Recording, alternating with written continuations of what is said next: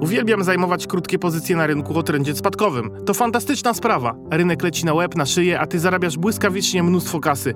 To jest jak efekt domina. Wszyscy wokół tracą, a ty zarabiasz. To niemal tak dobre jak seks. To niesamowite, jaką może sprawić radość w wyłapanie tego momentu, w którym zaczyna się trend spadkowy. Czuję się wtedy prawdziwym mężczyzną, jakby cały świat leżał u mych stóp. Tak wiele możliwości. Stupunktowy ruch na Dow Jonesie. To był szalony pomysł, ale został tak dobrze przemyślany, że na początku nikt nie zorientował się, Nie chodzi o to, aby być geniuszem. Chodzi raczej o pewnego rodzaju temperament. Odpowiedziałem, że nie ma mowy, że to musi się udać. Artyści rynków. Artyści Rynków to seria podcastów przygotowanych przez CMC Markets, globalnego brokera kontraktów CFD i Forex. Więcej na cmcmarkets.pl. Nasz dzisiejszy gość zaczynał od obstawiania zakładów w szkole średniej. Potem wylądował w oddziale Marines, aby ostatecznie zająć się tradingiem w makroskali. Witamy bardzo wszechstronnego tradera, Johna Netto. Niektórzy mają trading we krwi już od dziecka. Weźmy na przykład Johna Netto, który pierwszą pozycję zajął w wieku 8 lat, a w szkole średniej założył szkolny zakład bukmacherski, gdzie jego koledzy mogli obstawiać zawody sportowe. Od początku było jasne, że są mu pisane w tej branży wielkie sukcesy. Dziś John Netto obraca na giełdzie wszystkimi kategoriami aktywów i jest autorem książki The Global Macro Edge maksymalizacja zwrotu na jednostkę ryzyka, która traktuje o tym, jak zmaksymalizować zysk na jednostkę ryzyka. Jest twórcą także tzw. liczby netto. Szczególną umiejętnością Johna, jego supermocą, jest wyjątkowa elastyczność w działaniu. Sam siebie nazywa proteuszem wśród traderów, ze względu właśnie na swoją wszechstronność i umiejętność adaptacji w różnych warunkach. Jak wykorzystuje te umiejętności w tradingu? Otóż John wypracował własną strategię tradingową, dzięki której zarządza transakcjami wysokich częstotliwości opartymi na wyznaczonych algorytmach w różnych strefach czasowych, dla różnych kategorii aktywów i na różnych rynkach, jednocześnie bacznie obserwując trendy globalne. Te schematy przekuł w pewnym sensie w sztukę magiczną, tradingową alchemię, zmieniając potencjalne problemy w zyski. Z Johnem Netto łączymy się w Las Vegas w stanie Nevada. John, to zaszczyt gościć się w naszej serii podcastów Artyści Rynków. Twoja książka One Shot, One Kill Trading to pozycja bardzo popularna wśród traderów, z którymi pracuję. Wiem też, że wielu słuchaczy miało już okazję przeczytać Twoją najnowszą książkę The Global Macro Edge. Tradycyjnie chciałbym zacząć od samego początku. Ile miałeś lat, kiedy po raz pierwszy postawiłeś na coś pieniądze? Dobre pytanie. Miałem 8 lat i chodziłem do szkoły podstawowej. Już w tym wieku bardzo pociągało mnie ryzyko oraz fakt, że mogę coś zyskać w zależności od wyniku jakiegoś zdarzenia. Byłem małym, ale bardzo zagorzałym fanem futbolu amerykańskiego i kiedy zespół San Francisco grał z Dallas Cowboys, intuicyjnie poczułem, że obstawienie wyniku meczu to coś naturalnego, oczywistego. Mieszkałem nad Zatoką San Francisco, więc większość dzieciaków kibicowała oczywiście lokalnej drużynie, ale nie ja. Wiesz jak to jest, kiedy mieszkasz w Sydney, wokół pełno jest fanów drużyny Sydney, a ty kibicujesz zespołowi z Melbourne. Zakładasz się więc o wynik meczu z fanami drużyny z Sydney. No więc ja właśnie byłem fanem kowbojów z Dallas, mieszkającym w San Francisco. To znaczy, że chyba od początku byłem skazany na bycie kontrarianinem. Pomyślałem dokładnie tak samo. A potem trafiłeś do oddziału Marines. Czego się tam nauczyłeś? Chyba szybciej byłoby opowiedzieć, czego się tam nie nauczyłem. Nauczyłem się tam bardzo wielu rzeczy i za to będę dozgonnie wdzięczny. Gdybym jednak miał wybrać jedną ważną lekcję, jaką otrzymałem podczas służby w piechocie morskiej, to będzie to umiejętność życia poza własną strefą komfortu oraz stawianie czoła wyzwaniom i konsekwentne parcie do przodu. Wyobraź sobie, że masz 18 lat i dostajesz się do elitarnej jednostki, która jest uznawana za najlepszą tego typu na świecie. I ja tę decyzję podjąłem intuicyjnie w ułamku sekundy, bo taki mam charakter. Dla tradera taka cecha może być zarówno błogosławieństwem, jak i przekleństwem. Intuicja, którą kierowałem się od najmłodszych lat, podpowiedziała mi po prostu, że powinienem zaciągnąć się do Marines. Byłem w tych czasach raczej miękki, zarówno psychicznie, jak i fizycznie. Szkolenie dla rekrutów piechoty morskiej i mentalny rygor, jakiemu zostałem poddany, wytrąciły mnie poza moją strefę komfortu, a jednocześnie dały mi mocny kręgosłup i poczucie dyscypliny, których mi dotychczas brakowało. I nie chodzi tylko o dyscyplinę w potocznym rozumieniu tego słowa, czyli o wykonywanie rozkazów bez szemrania, ale o to, że trzeba postępować właściwie nawet wtedy, kiedy nikt nie patrzy. To zawsze powtarza mój przełożony w wojsku. Chodzi o drobne sprawy, detale, niuanse. I tak samo w tradingu, gdzie tak naprawdę trzeba walczyć o każdy punkt bazowy. O takich niuansach mówię. Niewielu z nas popełnia wielkie, rażące i oczywiste błędy. Mylimy się pozornie w drobnych sprawach, które jednak w sumie mogą doprowadzić do eskalacji strat. Nie przeczytałem raportu, choć powinienem, albo zapomniałem ustawić stop loss dla transakcji albo zaniedbałem inną sprawę. I wszystkie te drobne błędy sumują się, a wynika to często z faktu, że albo nie określiliśmy precyzyjnie schematu działania, albo nie jesteśmy wystarczająco zdyscyplinowani, aby go przestrzegać. Służyłem prawie 8,5 roku w Marines i w tym czasie nauczyłem się dwóch języków obcych japońskiego i chińskiego. Przez 4 lata stacjonowałem w Japonii, gdzie pracowałem w ambasadzie amerykańskiej. W tym czasie dowiedziałem się sporo nie tylko o kulturze służby w Korpusie Piechoty Morskiej, ale również o kulturze Japonii, o innym życiu, innej perspektywie. I znowu oznaczało to, że jestem poza swoją strefą komfortu. I ta nauka życia poza strefą komfortu przydała się później w zawodzie tradera. A jak to się stało, że trafiłeś z elitarnej jednostki wojskowej na giełdę? Małymi kroczkami. Giełda pojawiła się w moim życiu jeszcze zanim wstąpiłem do Marines. W szkole średniej, poza przyjmowaniem zakładów bukmacherskich, byłem też zagorzałym czytelnikiem pism Wall Street Journal oraz Investors Business Daily. Dowiedziałem się, czym są opcje w wieku 12 lat, kiedy obejrzałem film Wall Street. Oliver Stone, który był jednocześnie autorem scenariusza, reżyserem i producentem tego filmu, chciał w nim napiętnować nikczemność i chciwość, jakie panowały na Wall Street w latach 80. Wall Street kojarzono wówczas z dekadenckim stylem życia, nadmiernym bogaceniem się i pazernością. Brzmi to jak ironia losu, ale paradoksalnie ten film zainspirował całe pokolenie młodych ludzi, aby robić karierę w świecie finansjery. Pytałeś, jak to się stało, że i ja tam trafiłem. Takie właśnie były moje początki. Świetne wprowadzenie, John. Bardzo ciekawa historia. Potem, kiedy służyłem w piechocie morskiej, zacząłem bawić się w trading online. W 1998 roku, mieszkając jeszcze w Japonii, założyłem swój pierwszy elektroniczny rachunek transakcyjny. Następnie przyjęto mnie na studia oficerskie na Uniwersytecie w Waszyngtonie. W 1998 roku, po wielu latach życia za granicą, wróciłem do Stanów. W tym czasie na rynku pojawiła się aplikacja CyberTrader, która później, chyba w 2000 czy 2001 roku, została przejęta przez Charles Schwab. No i zacząłem grać na giełdzie online. Opracowałem własny system ucząc się na błędach, a na początku, nie ma co ukrywać, dostawałem często cięgi. Straciłem początkowo sporo pieniędzy, bo choć wydawało mi się, że jestem bystry, nie przekładało się to na zyski. Popełniłem dokładnie takie błędy jak wszyscy inni. Pozwalałem, aby straty narastały, a na zyski rzucałem się od razu. Ale, jak wspomniałem wcześniej, byłem zawsze bardzo zdyscyplinowany. Kiedy więc widziałem, że przegrywam, zdałem sobie sprawę, że muszę skuteczniej zarządzać ryzykiem. Tyle przynajmniej wiedziałem z pracy branżowej. I nawet gdy straciłem pieniądze zamiast zarabiać, nigdy nie traciłem wszystkiego, nie wyczyściłem rachunku do zera, bo wiedziałem, jak nie poddać się presji. Tego właśnie nauczyłem się w piechocie morskiej, jak reagować pod presją. I do dzisiaj udaje mi się nie dopuścić do tego, aby strata zmieniła się w katastrofalną stratę. To jest pokłosie nauki, jak funkcjonować pod ogromną presją. Opracowanie systemu na papierze to oczywiście jedno, a stosowanie go w praktyce do generowania twardej gotówki to zupełnie inna sprawa. Innymi słowy, analiza rynku to jedno, a czerpanie z tego zysków to inna para kaloszy. Trading to w pewnym sensie forma sztuki, wymagająca zupełnie innych umiejętności. Sądzę, że wielu słuchaczy zgodzi się z Tobą w tym punkcie. A teraz przejdźmy do ciemniejszej strony tradingu. Czy możesz nam opowiedzieć o swojej najgorszej transakcji? Nie musi być to największa strata, jaką poniosłeś, ale taka, którą najboleśniej odczułeś. Która transakcja zabolała Cię najbardziej? Jak większość traderów mam na koncie więcej niż jedną taką porażkę. Staram się unikać takiego stopniowania, bo to naprawdę trudne, zarówno w życiu, jak i w tradingu. Wybrać coś naj, największego, najlepszego, najgorszego. Przytoczę więc kilka przykładów, bo uważam, że na trudnych transakcjach można się wiele nauczyć. To nie jest tak, że poniosłem wielką porażkę 20 lat temu i to zmieniło mnie na zawsze. Raczej tak, że popełniłem kiedyś paskudny błąd, z którego udało mi się jakoś wykaraskać, ale to wcale nie znaczy, że był to ostatni raz, kiedy zrobiłem coś głupiego czy złego. Tak to już jest, prawda? Jeśli o mnie chodzi, to jedna z porażek, których nigdy nie zapomnę, zdarzyła się na początku mojej kariery w 2003 roku, tuż po wybuchu II wojny w Zatoce Perskiej. Działałem już wtedy aktywnie na rynku kontraktów futures, a te instrumenty mają bardzo podobny komponent dźwigni do rynku forex.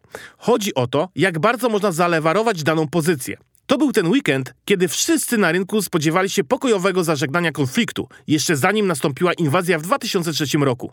Niestety o uniknięciu konfliktu zbrojnego nie było mowy, a ja w poniedziałek rano zająłem bardzo agresywną, krótką pozycję. No i nastąpiła klasyczna luka spadkowa, a potem gwałtowny wzrost. Do dziś w całej mojej karierze nie przeżyłem podobnej sytuacji. To był taki stan, w którym całkowicie zawładnęły mną emocje. Zapomniałem o logice, zapomniałem o obiektywnej analizie mojej pozycji. No i straciłem około 30% wartości całego mojego rachunku, próbując grać na zniżkę 6 czy 7 razy. Tyle, że w tym dniu indeks Dow poszedł w górę o 400 czy 500 punktów, Nasdaq o 150 czy 200, a S&P o 40 czy 50. W efekcie w ciągu pół godziny straciłem wszystko, co zrobiłem od początku roku. Ale to nawet do mnie nie docierało, bo w tym momencie pieniądze nie miały dla mnie rzeczywistej wartości. Właśnie dlatego podaję ten przykład jako przykład najgorszej transakcji w mojej karierze, bo jeśli tracisz szacunek do pieniędzy, wówczas wychodzisz poza ustalone ramy, poza przyjęty schemat działania a ja dodatkowo stosowałem bardzo wysoką dźwignię, zwiększając swoje straty dwu, trzy, a nawet czterokrotnie i szedłem w zaparte jak w amoku. A najśmieszniejsze jest to, że w pewnym momencie nawet zmniejszyłem straty o połowę do takiej kwoty, z którą mógłbym sobie jakoś poradzić, gdybym wtedy zdecydował się zamknąć pozycję. Ale niestety tego nie zrobiłem, a rynek dalej szalał. W rezultacie, zamiast zmniejszyć straty o połowę i na tym zakończyć sprawę, uznałem, że jednak może uda mi się coś zarobić, że dzisiaj jest mi po prostu pisane.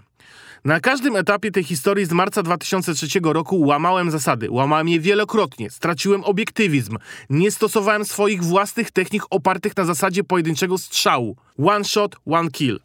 Straciłem wtedy wszystkie pieniądze zarobione od początku roku i dałem się całkowicie ponieść emocjom, myśląc tylko o tym, aby je odzyskać. Z wielu powodów to była moja najgorsza transakcja. Nie pod względem utraconej kwoty, bo później poniosłem inne, bardziej kosztowne porażki. Na przykład w 2015 roku, całkiem niedawno, straciłem jedną trzecią swoich zysków. Piszę nawet o tym w swojej książce. Zarobiłem w tamtym roku 700 tysięcy dolarów, a potem dosłownie w 11 sekund straciłem 210 tysięcy. W 11 sekund, Mike, straciłem 210 tysięcy dolarów z tego, co zarobiłem w ciągu poprzednich 10 miesięcy. Jak stanąć na nogi po takiej porażce? No wiesz, to właśnie jest cecha mistrzów. Okej, ale czy są jakieś reguły? Czy na przykład robisz sobie przerwę? Nie robię sobie przerwy dla samej przerwy, ale tak, trzeba się na chwilę zatrzymać. Z punktu widzenia emocji, taka przerwa jest konieczna i symboliczna, bo niezależnie od przyjętych schematów i reguł postępowania w przypadku tak ogromnej porażki potrzeba czasu na przeładowanie broni. A w tym celu należy zaprzestać chwilowo dalszych działań, na spokojnie przeliczyć straty i zastanowić się, co się tak naprawdę wydarzyło. Należy upewnić się, że nic innego nie dzieje się w tle, co mogłoby zakłócić Twój proces i uniemożliwić osiągnięcie celów. Wracając do tego, co się stało w październiku 2015 roku, to oczywiście byłem załamany.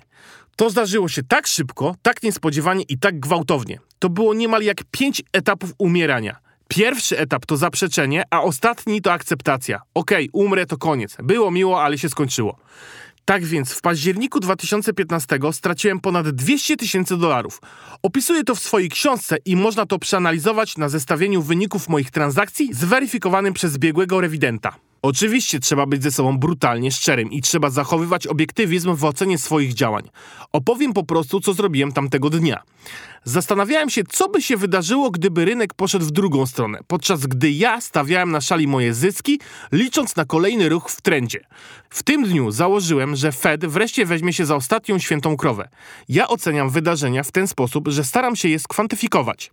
I jestem w tym naprawdę dobry. Biorę więc komunikat Rezerwy Federalnej, Banku Anglii, Europejskiego Banku Centralnego czy Banku Rezerwy Australii i oceniam go w ujęciu ilościowym, nie jakościowym, na podstawie unikalnego systemu modelowania który analizuje łącznie różne aspekty komunikatów, wykorzystując w tym celu technologię. Następnie nadaję mu ocenę końcową, a ja na tej podstawie działam na rynku przy wykorzystaniu specjalnego oprogramowania bazującego na akcji cenowej. To mój system zarządzania ryzykiem dla wydarzeń na rynkach, który wypracowałem przez lata. Mówiąc szczerze, ma on swoje wady i zalety, jak można było przed chwilą usłyszeć. Należy więc przeanalizować, czy przyjęliśmy właściwy model działania. Jeśli chodzi o mnie, trudno winić mnie za to, że chciałem zwiększyć zyski na zyskownych pozycjach. Przecież to godne pochwały. Zwielokrotnię swoje zyski, potem otworzę jeszcze więcej takich pozycji, co w tym złego? Tyle tylko, że nie wziąłem pod uwagę, czy moja ocena pozycji na rynku jest prawidłowa. W tym dniu pozycja, którą chciałem zająć, została wcześniej zajęta przez wielu innych traderów, a ja nie przywiązałem do tego należytej wagi. Wiele osób poza mną liczyło na to, że rezerwa federalna złagodzi swoją politykę. Liczyliśmy na bardziej gołębi śpiew. Ale zamiast tego Fed ogłosił podwyżkę stóp procentowych od grudnia 2015 roku, czego nie robił od 8 lat. I jeśli spojrzymy na dane rynkowe z października 2015 roku, to okaże się, że ten ruch spowodował ogromną wyprzedaż papierów skarbowych i złota, szalony wzrost kursu dolara i spadek kursu dolara australijskiego i nowozelandzkiego, a także walut rynków wschodzących na całym świecie. Tak się złożyło, że w dniu, kiedy zostało wydane oświadczenie Fed, ja akurat postanowiłem grać na zniżkę i zakupiłem wszystkie te walory. Ale poczucie dyscypliny, której nauczyłem się 15 lat wcześniej i której nie zatraciłem w trakcie kariery na rynkach, kazało mi błyskawicznie wyciąć te pozycje i ograniczyć straty. Więc chociaż straciłem jedną trzecią wcześniejszych zysków, byłem w stanie szybko się wycofać, kiedy tylko zdałem sobie sprawę, że mój model cholernie się pomylił w ocenie sytuacji. I choć dostałem obuchem w głowę, szybko się pozbierałem i w efekcie straciłem 200 tysięcy zamiast 400 czy 500 tysięcy.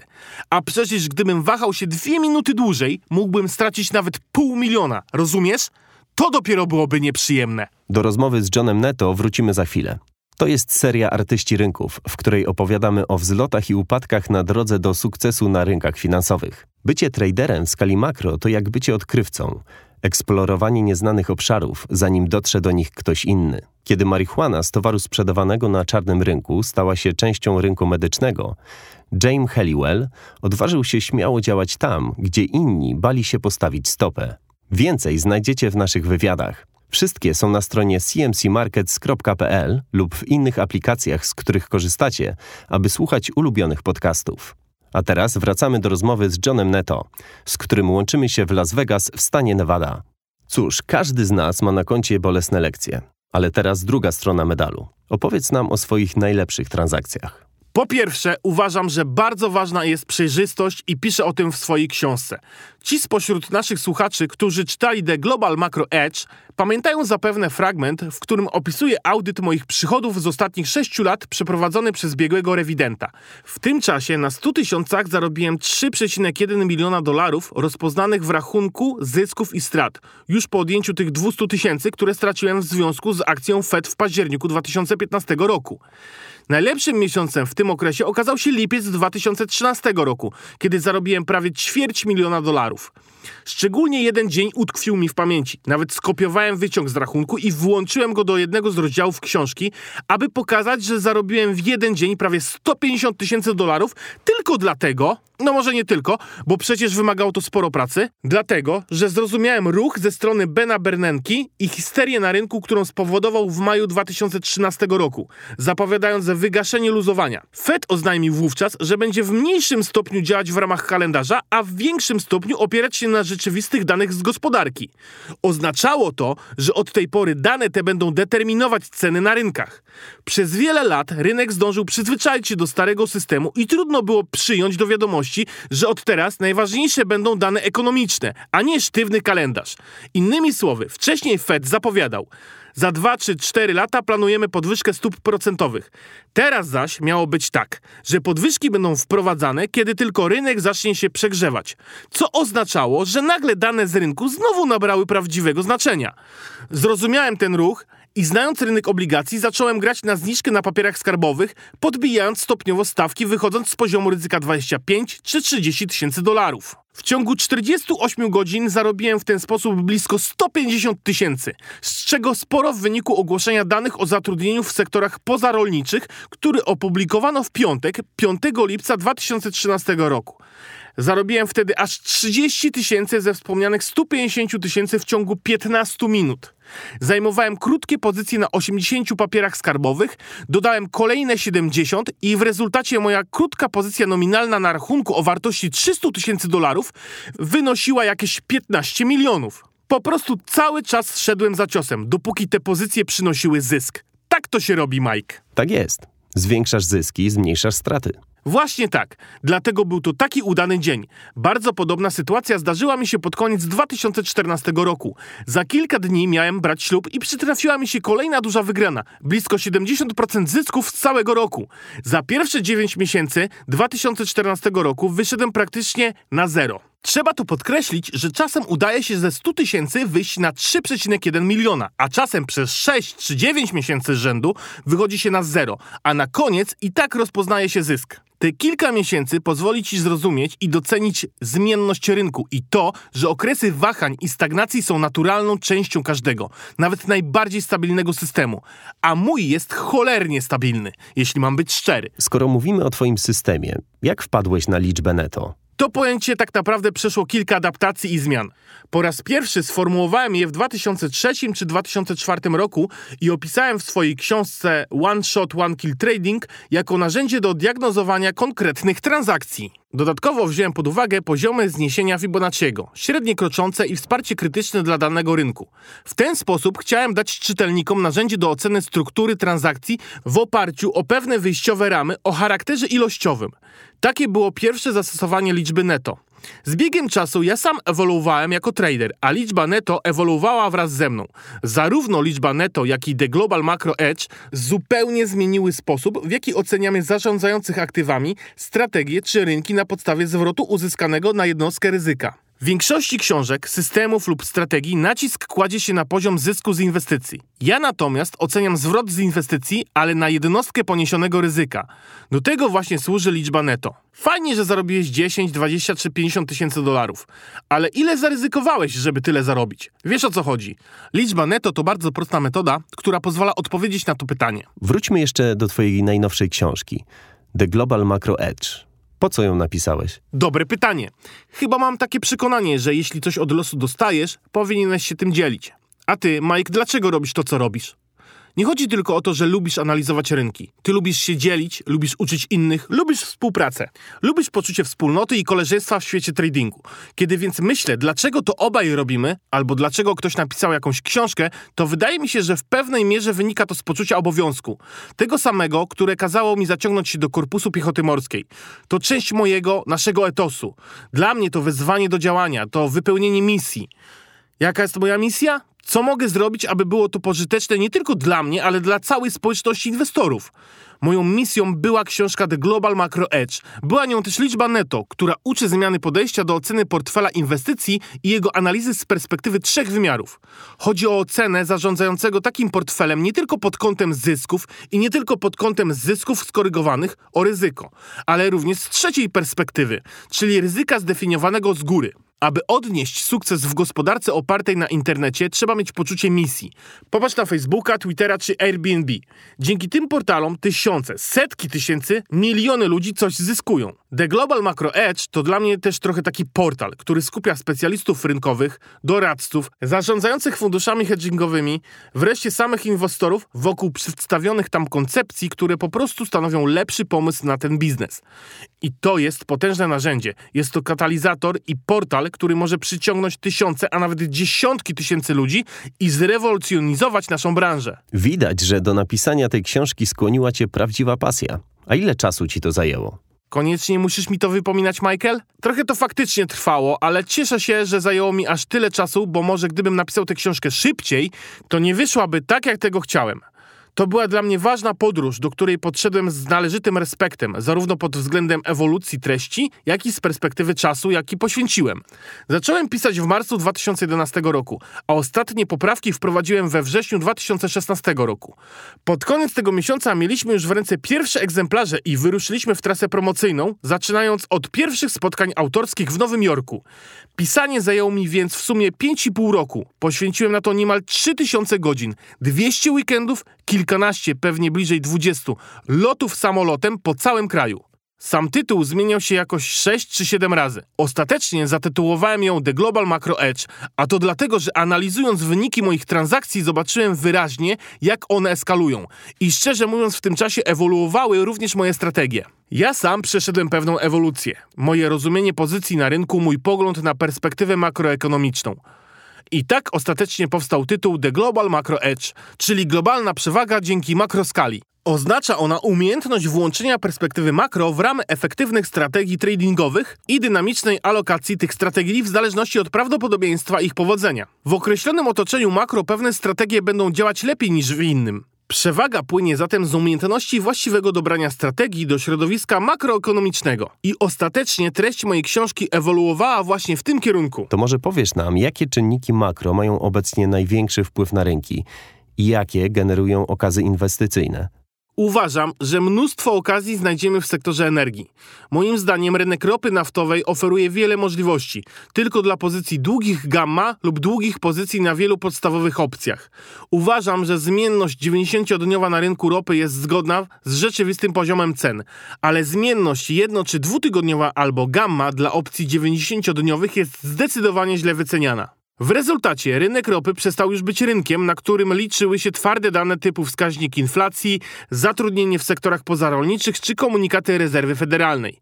Oczywiście zdarza się, że niektóre komunikaty Fed, Banku Anglii czy RBA są bardzo ogólnikowe i nie pociągają za sobą większych konsekwencji. Natomiast obecnie rynek reaguje mocno na fake newsy, a my musimy odpowiednio korygować nasze pozycje. Ludzie reagują na fałszywe sygnały i aluzje. Reagują na fixing chińskiej waluty, choć ma to znaczenie dla kogoś, kto działa w australijskiej strefie czasowej, a nie w amerykańskiej. Ceny w sektorze energii bywają przeszacowane, bo rynek bardzo reaguje na ogłaszane taryfy, a nawet nie na faktyczne wprowadzenie nowych taryf, ale na same pogłoski o nich. I w rezultacie widzimy strukturalnie nieprawidłowe kształtowanie się wycen na rynkach. Nawiasem mówiąc, udało mi się trochę ugrać na tym trendzie w 2018 roku, przynajmniej jeśli chodzi o opcje krótkoterminowe, bo w ujęciu długoterminowym wyceny są bardziej adekwatne. Ale jeśli rozumiesz tę różnicę wynikającą z reguły Walkera, krzywą zmienności, to wiele możliwości stanie przed tobą otworem. Dodam jeszcze na koniec, że takie przewartościowanie aktywów ma znaczenie w szerszej perspektywie makroekonomicznej. Jest to problem bardziej abstrakcyjny, ale jednak problem. Właściciele domów w USA, a wiem skądinąd, że również w Sydney i w innych miejscach Australii wyceny nieruchomości są rekordowo wysokie. Mają nieproporcjonalnie dużą część majątku netto zamrożoną w swoich domach. Zapytasz, jakie to ma znaczenie?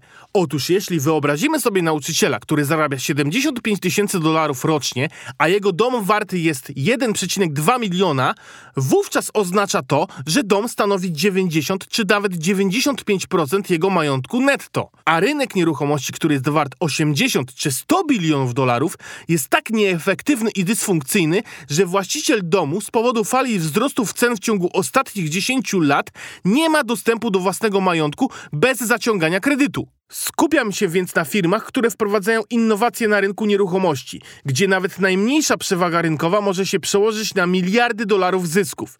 Czy to na poziomie taktycznym, jak w przypadku ropy, czy na poziomie makro, tak jak w sektorze nieruchomości, szukam trzech parametrów. Po pierwsze, inwestycja musi generować zwrot na określoną jednostkę ryzyka, co właśnie mierzy liczba netto. Chcę wiedzieć, ile mogę zarobić przy poziomie ryzyka, jakie podejmuję. Po drugie, inwestycja musi rozwiązywać jakiś problem, a im bardziej systemowy charakter tego problemu, tym bardziej trwałe i skuteczne musi być jego rozwiązanie. Jeśli trapi ci jakiś poważny problem, Mike, to na pewno nie rozwiążesz go w jedną noc. Inwestycja musi być zatem bardziej trwała i faktycznie musi umożliwiać rozwiązanie jakiegoś problemu. No i po trzecie, czy ta struktura dodaje wartości? Weźmy jako przykład rynek nieruchomości. Czy struktura dająca płynność właścicielom domów pozwoli mi skorzystać na wzroście cen przy jednoczesnym ograniczeniu strat w wyniku ich spadku? Odpowiedź na to pytanie brzmi tak. Każda moja decyzja inwestycyjna, każda transakcja spełnia te trzy warunki. Poruszyłeś tu ważną kwestię, John. Rozwiązywanie problemów to potencjalne źródło zysków i to na różnych rynkach. A im większy problem, tym większy potencjalny zwrot z inwestycji, która ma go rozwiązać. Zgadza się? Dokładnie tak. W punkt, Mike. W naszej serii rozmawiamy dużo o tym, jak traderzy radzą sobie ze swoimi emocjami lub analizują je. Jeden rozdział twojej najnowszej książki napisała psycholog traderów e, Denis Schul. Opowiesz nam o tym? Denis Schul to osoba, do której żywię ogromny szacunek. Wielokrotnie współpracowaliśmy, prowadząc webinaria dla traderów. Jedno z nich, o którym wspominam w rozdziale 19 książki, było wyjątkowo ciekawe. Polegało na tym, że ja działałem na rynku kontraktów futures, a on przez półtorej godziny analizował moje posunięcia na żywo, pytając mnie, o czym w danej chwili myślę. W ten sposób pokazaliśmy uczestnikom webinarium potęgę emocji oraz intuicji, które jeśli odpowiednio je kontrolujemy, stanowią dodatkowe narzędzie analityczne tradera. W rozdziale 19 odtworzyliśmy zatem spektrum emocji, które nazywano FOMO Fear of Missing Out, czyli lęk przed tym, że coś ważnego nas ominie. A ja określiłem te emocje w sposób ilościowy. Na jednym końcu tego spektrum prześladuje mnie paniczny strach przed stratą choćby najmniejszej kwoty, a na drugim nie boję się niczego. W ogóle nie przejmuję się tym, że mogę stracić pieniądze. Złoty środek znajdziemy oczywiście pomiędzy tymi dwoma ekstremami. Trzeba mieć szacunek do tego, co możemy stracić, ale jednocześnie trzeba zauważyć możliwości, które na nas czekają i umieć je wykorzystywać. Namawiamy zatem w książce nie tylko do rejestrowania swoich emocji i uczuć, do analizowania ich w sposób bardziej metodyczny, ale również do wykorzystywania ich w procesie decyzyjnym, co pozwala wypracować bardziej skuteczne ramy analizy jakościowej rynków. Opowiem Ci, co odkryłem. Kiedy zawierałem transakcje bez żadnego lęku przed konsekwencjami, to zwykle w takich wypadkach następował duży, gwałtowny ruch na rynku i to najczęściej niestety przeciwko mnie. Opisuję też w książce przypadki, kiedy czułem strach przed rozwojem sytuacji na rynku. O mój Boże, S&P pójdzie na dno, nie ma możliwości, żeby ten trend się odwrócił. To niesamowite, bo ja jak większość traderów, uwielbiam zajmować krótkie pozycje na rynku o trendzie spadkowym. To fantastyczna sprawa. Rynek leci na łeb na szyję, a ty zarabiasz błyskawicznie mnóstwo kasy. To jest jak efekt domina. Wszyscy wokół tracą, a ty zarabiasz. To niemal tak dobre jak seks. To niesamowite, jaką może sprawić radość wyłapanie tego momentu, w którym zaczyna się trend spadkowy. Czuję się wtedy prawdziwym mężczyzną, jakby cały świat leżał u mych stóp. Ale to może działać również na moją niekorzyść, szczególnie jeśli dotyczy to rynku, na którym od 10 lat panuje trend zniżkowy, gdzie takie okazje zdarzają się rzadko. Wówczas granie na zniżkę może okazać się problemem. Jeśli chodzi o mnie, to odkryłem, że kiedy czuję tego typu emocje, choć faktycznie zdarza się to rzadko, to wówczas najlepiej zająć długą pozycję na opcjach. Posiadając opcję kupna na rynku zwyżkującym, nadal możemy korzystać z trendu spadkowego, ale zajęcie długiej pozycji na takim rynku to naprawdę dobry pomysł. Bo jeśli zaczniemy myśleć, że nie ma absolutnej żadnej możliwości, abyśmy stracili pieniądze na danej pozycji, to powinien być dla nas sygnał alarmowy. Działamy przecież na rynkach, które niby są efektywne, ale nawet zwykłe szumy informacyjne mogą wytrącić je z równowagi. W takim wypadku musimy poważnie zastanowić się nad zajęciem pozycji po przeciwnej stronie. W rozdziale 19 opisuję takie właśnie sytuacje i pokazuję na dowód wyciągi z rachunku, kiedy poczułem ten strach przed zwiększeniem pozycji i zadziałałem intuicyjnie. To był taki zdrowy strach, może lepiej użyć tu słowa napięcie. Poczułem takie napięcie i pomyślałem, że jeśli zwiększę pozycję, mogę stracić wszystko. Nie był to więc strach, tylko analiza połączona z charakterystycznym napięciem. To był dla mnie sygnał, że tak naprawdę powinienem zwiększyć pozycję.